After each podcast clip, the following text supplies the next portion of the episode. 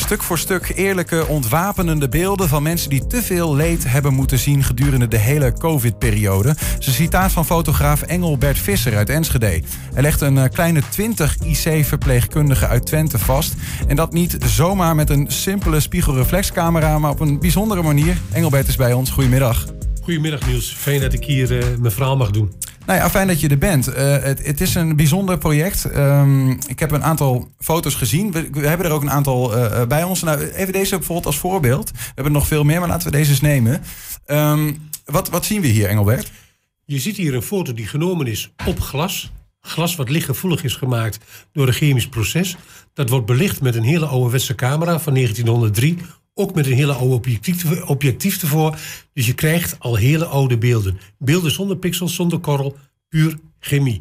En mijn doelstelling was om met deze foto's heel veel scherpte in het beeld te creëren. Normaal als ik dit soort portretten maak, maak ik ze zo zacht mogelijk. En ik wilde nu, en je hebt er een paar hele mooie voorbeelden van, portretten laten zien waarbij de nadruk ligt op de ogen. Dat je de intentie ziet in de ogen van de mensen. En ik denk dat het heel, heel erg goed gelukt is. Waarom um, heb je ervoor gekozen om IC-verpleegkundigen te gaan fotograferen? Dat vind ik een hele goede vraag. Je kent allemaal de uitdrukking wel, de ogen zijn de spiegel van de ziel. Nu hebben we voor een paar weken terug hebben we een project gedaan met een losse chaotschap. En daar heb ik mensen in kostuum gefotografeerd. En het was verbazend om te zien dat als iemand in één keer een kostuum aantrekt, aankleedt, zeg maar, dat het meteen die persoon wordt. Nu kwam ik tot de relatie, wat is er nu aan de hand als iemand elke dag geconfronteerd wordt met leed waar jij en ik niet dagelijks meer geconfronteerd worden? Wat zie je dan bij die mensen in de ogen? En ik moet je eerlijk zeggen, als men gaat zitten voor die camera, dan vraag ik ook even: stel je eens even voor een situatie van afgelopen jaar waar je zwaar of diepe gevoelens aan hebt. Dan zie je het veranderen. Dan ga ik ondertussen weg om de plaat gevoelig te maken, want die komt er na de tijd in de camera. En dan zie je mensen doordenken en dan zie je beelden ontstaan die normaal veel moeilijker mogelijk zijn. Men heeft veel gezien en dat zie je aan de foto's. Een van de deelnemers van jouw portrettenserie hebben we aan de lijn. Dat is uh, Andrea Schot. Andrea, goedemiddag. Goedemiddag. Je zit in de auto, dat is even goed om te benoemen. Dus als de verbinding soms wat, uh, wat minder is, dan komt dat daardoor. Um, ja, dat klopt. Andrea, waarom heb je meegedaan met deze portrettenserie van Engelbert? Uh, nou, dat kwam als volgt. Een uh, collega van mij, Madelon Spijkers, die was uh, geattendeerd op deze uh, oproep die Engelbert ik had gedaan op social media. Mm -hmm. En zij had een aantal van haar collega's gevraagd of die het leuk vonden om mee te doen aan deze bijzondere manier van fotografie. Dus eigenlijk zijn er een heel aantal mensen geweest die dat echt bijzonder vonden en leuk vonden om aan mee te doen.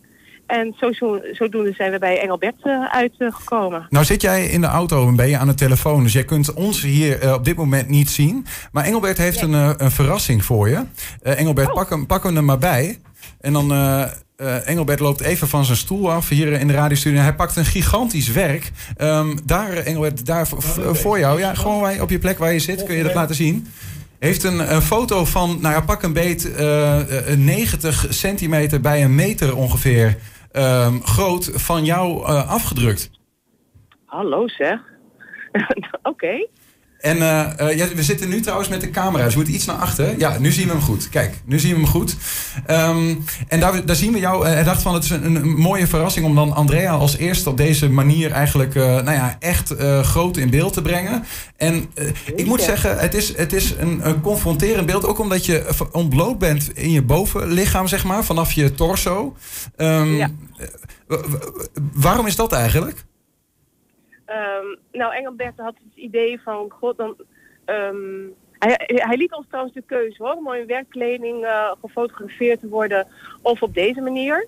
Uh, en uh, ja, eigenlijk al mijn collega's vonden deze manier ja, wel heel mooi om um, je daarmee ook een stukje meer kwetsbaarheid te laten zien. Mm -hmm. En als je je pak aan hebt, hè, je werkkleding, dan ja, is dat ook deels een schild, zeg maar. Hè? Um, want je bent tenslotte als professional bezig. Maar uh, deze fotorapportage hebben we allemaal op persoonlijke titel gedaan. Um, en ja, het laat dus echt heel duidelijk zien uh, ja, wat het met ons gedaan heeft ehm, die afgelopen, nou ja, één, anderhalf jaar zo ongeveer. Ja. Dus ja, een stukje kwetsbaarheid ook. En eh, ja, puur, een puurheid. Maar Andrea, ehm, Ja? voor jou geldt, eh, eh, ik hoorde net van Engelbert dat hij zei... ehm, ja, ik vroeg de mensen eh, aan, aan een moment te denken vanuit die afgelopen periode... die ze eigenlijk op het netvlies staat geschreven. Ehm, wa- waar moest jij aan denken toen je de foto aan het maken was? Nou, wat, ja, het is niet één specifieke ehm, ehm, casus die ik voor me heb, maar meer dat ehm, je eigenlijk af en toe zo, ehm, ja, je, stond echt, je kon niet doen wat je eigenlijk moest doen. Hè. Er was te veel zorg, te zieke mensen, allemaal te veel tegelijk. Ehm, ja, zeker toen we als eerste eh, werden geconfronteerd met de grootheid van deze eh, COVID, hè, met de pandemie. Ja, dat, dat heeft natuurlijk niemand ooit meegemaakt. Dus Nee. er komt zoveel in één keer op je af. En de mensen waren zo ontzettend ziek. En daarbij had je natuurlijk ook nog de zorg om je eigen gezondheid en om je gezin thuis. En eh, ja, word ik niet ziek, steek ik maar eh, andere mensen niet aan. Dus het is meer een beetje de onmacht ook die je hebt gevoeld. En die wij, denk ik, als IC-verpleegkundigen allemaal wel hebben gevoeld. Van, wat gebeurt er hier allemaal? Nou begreep ik laatst, Andrea, maar dat, dat kun jij beter zeggen dan ik. Dat, maar dat IC-verpleegkundigen sowieso een klein, vrij korte eh, doorlooptijd hebben, om het zo maar te zeggen. Een jaar of vier, omdat het, omdat het überhaupt zwaar is. Je bedoelt met doorlooptijd dat je daarna wat anders gaat doen? Ja, klopt dat? Nee hoor. Nee? Nou, een jaar of vier is in mijn ogen, eh, klopt dat niet. Zelf ben ik al meer dan 25 jaar IC-verpleegkundige. Oh. En ik doe mijn werk altijd met plezier. Ja. Maar er zijn, eh, er zijn zeker ehm, momenten en patiënten die je nooit zult vergeten. Maar dat is denk ik voor een fotograaf als Engelbert ook. ehm, ja, heel veel foto's die je maakt, die maak je en die zijn weer weg. Maar ja, achter zo'n foto zit een verhaal en dat zul je ook, ehm, dat zul je ook niet vergeten. Welke, De eh, korte door, doorlooptijd is in mijn ogen niet het geval. En de Nee. meeste van mijn collega's werken ook al veel langer op de intensive care. En sommigen zelfs 40 jaar. Dus maar, maar zelfs dan zeggen ze dus van... dit is wel echt de meest heftige tijd van mijn hele werkperiode.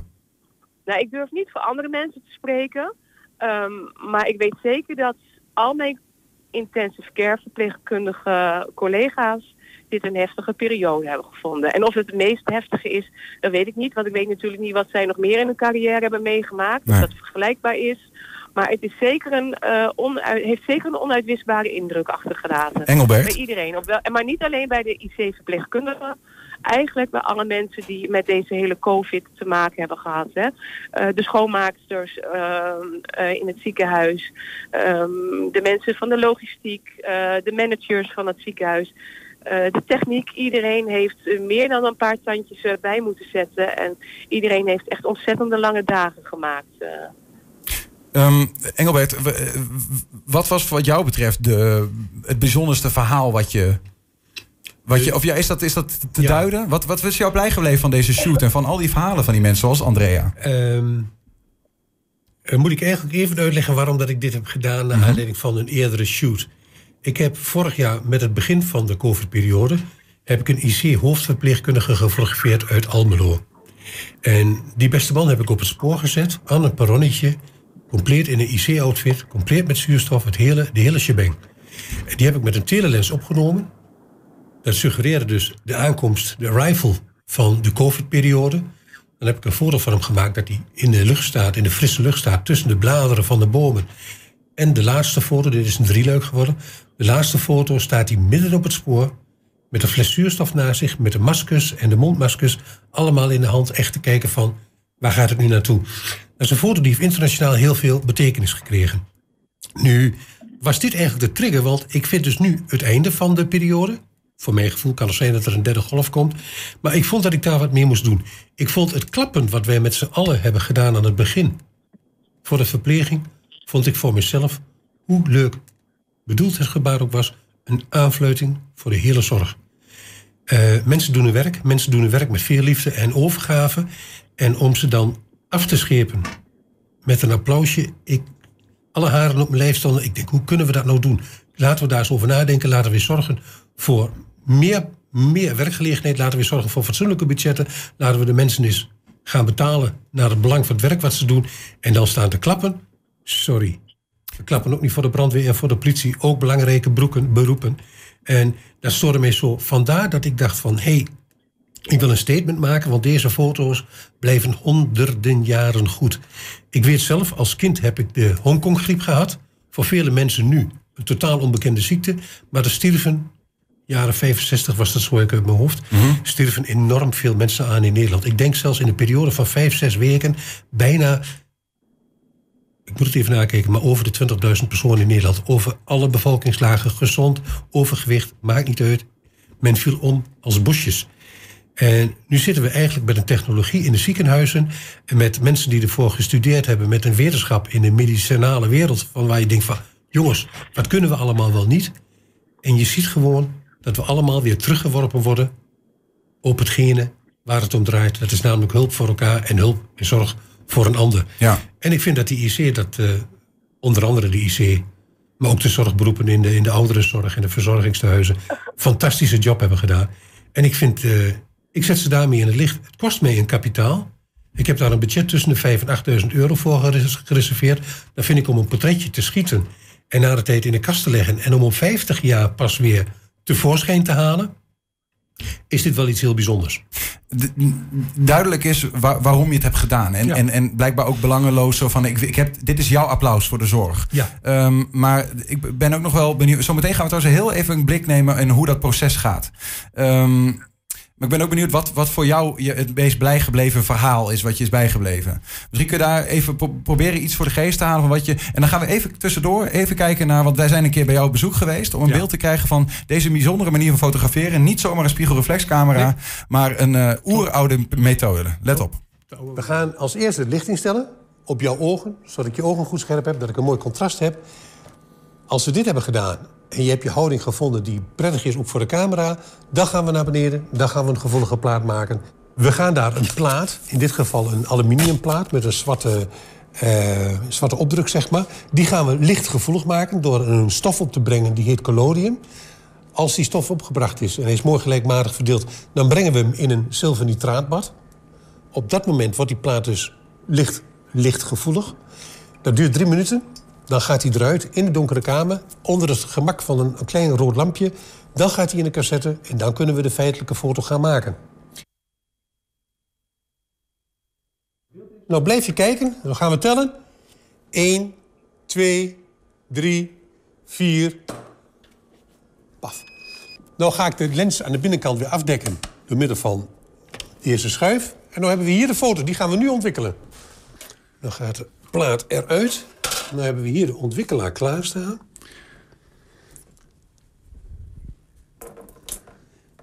Twee, drie, vier. Nu door het gieten van dit water is dit proces onderbroken.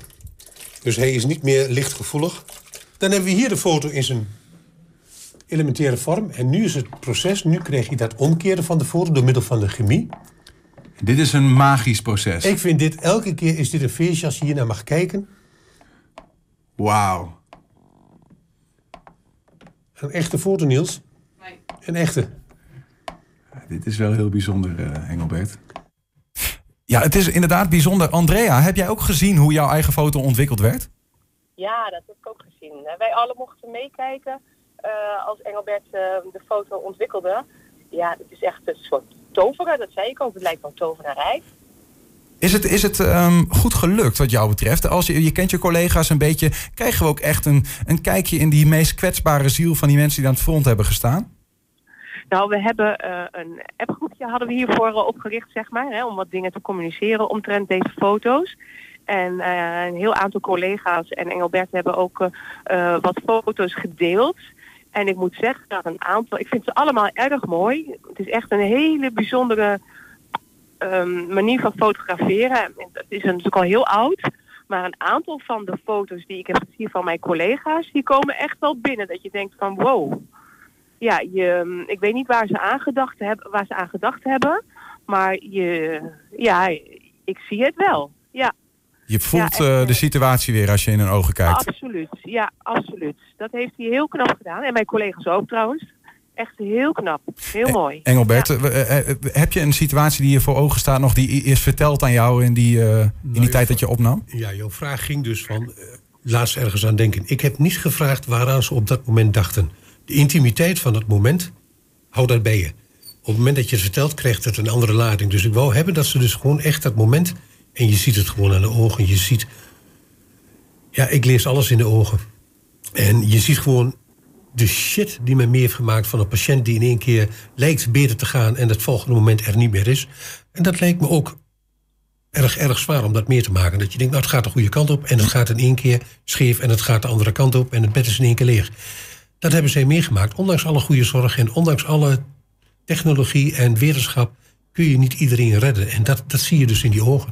Andrea Engelbert, die eh, zin speelt net al een beetje. Je zegt van, ik denk dat het voorbij is. Eh, Heel veel mensen denken dat. Voel je dat ook? Eh, Hoe gaat het met de druk eigenlijk op dit moment in de, op de IC? Nou, je merkt wel dat het een stuk minder druk wordt met COVID-patiënten. Godzijdank natuurlijk. Ehm, maar ja, er zijn nog steeds mensen die ziek zijn.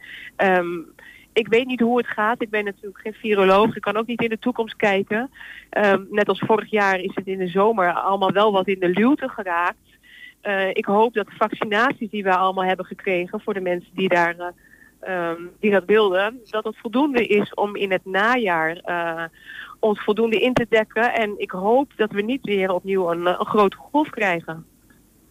Dat hopen wij eh, v- v- van harte met je, jou en jullie mee, eh, denk ik, Andrea. Ja. Allemaal natuurlijk.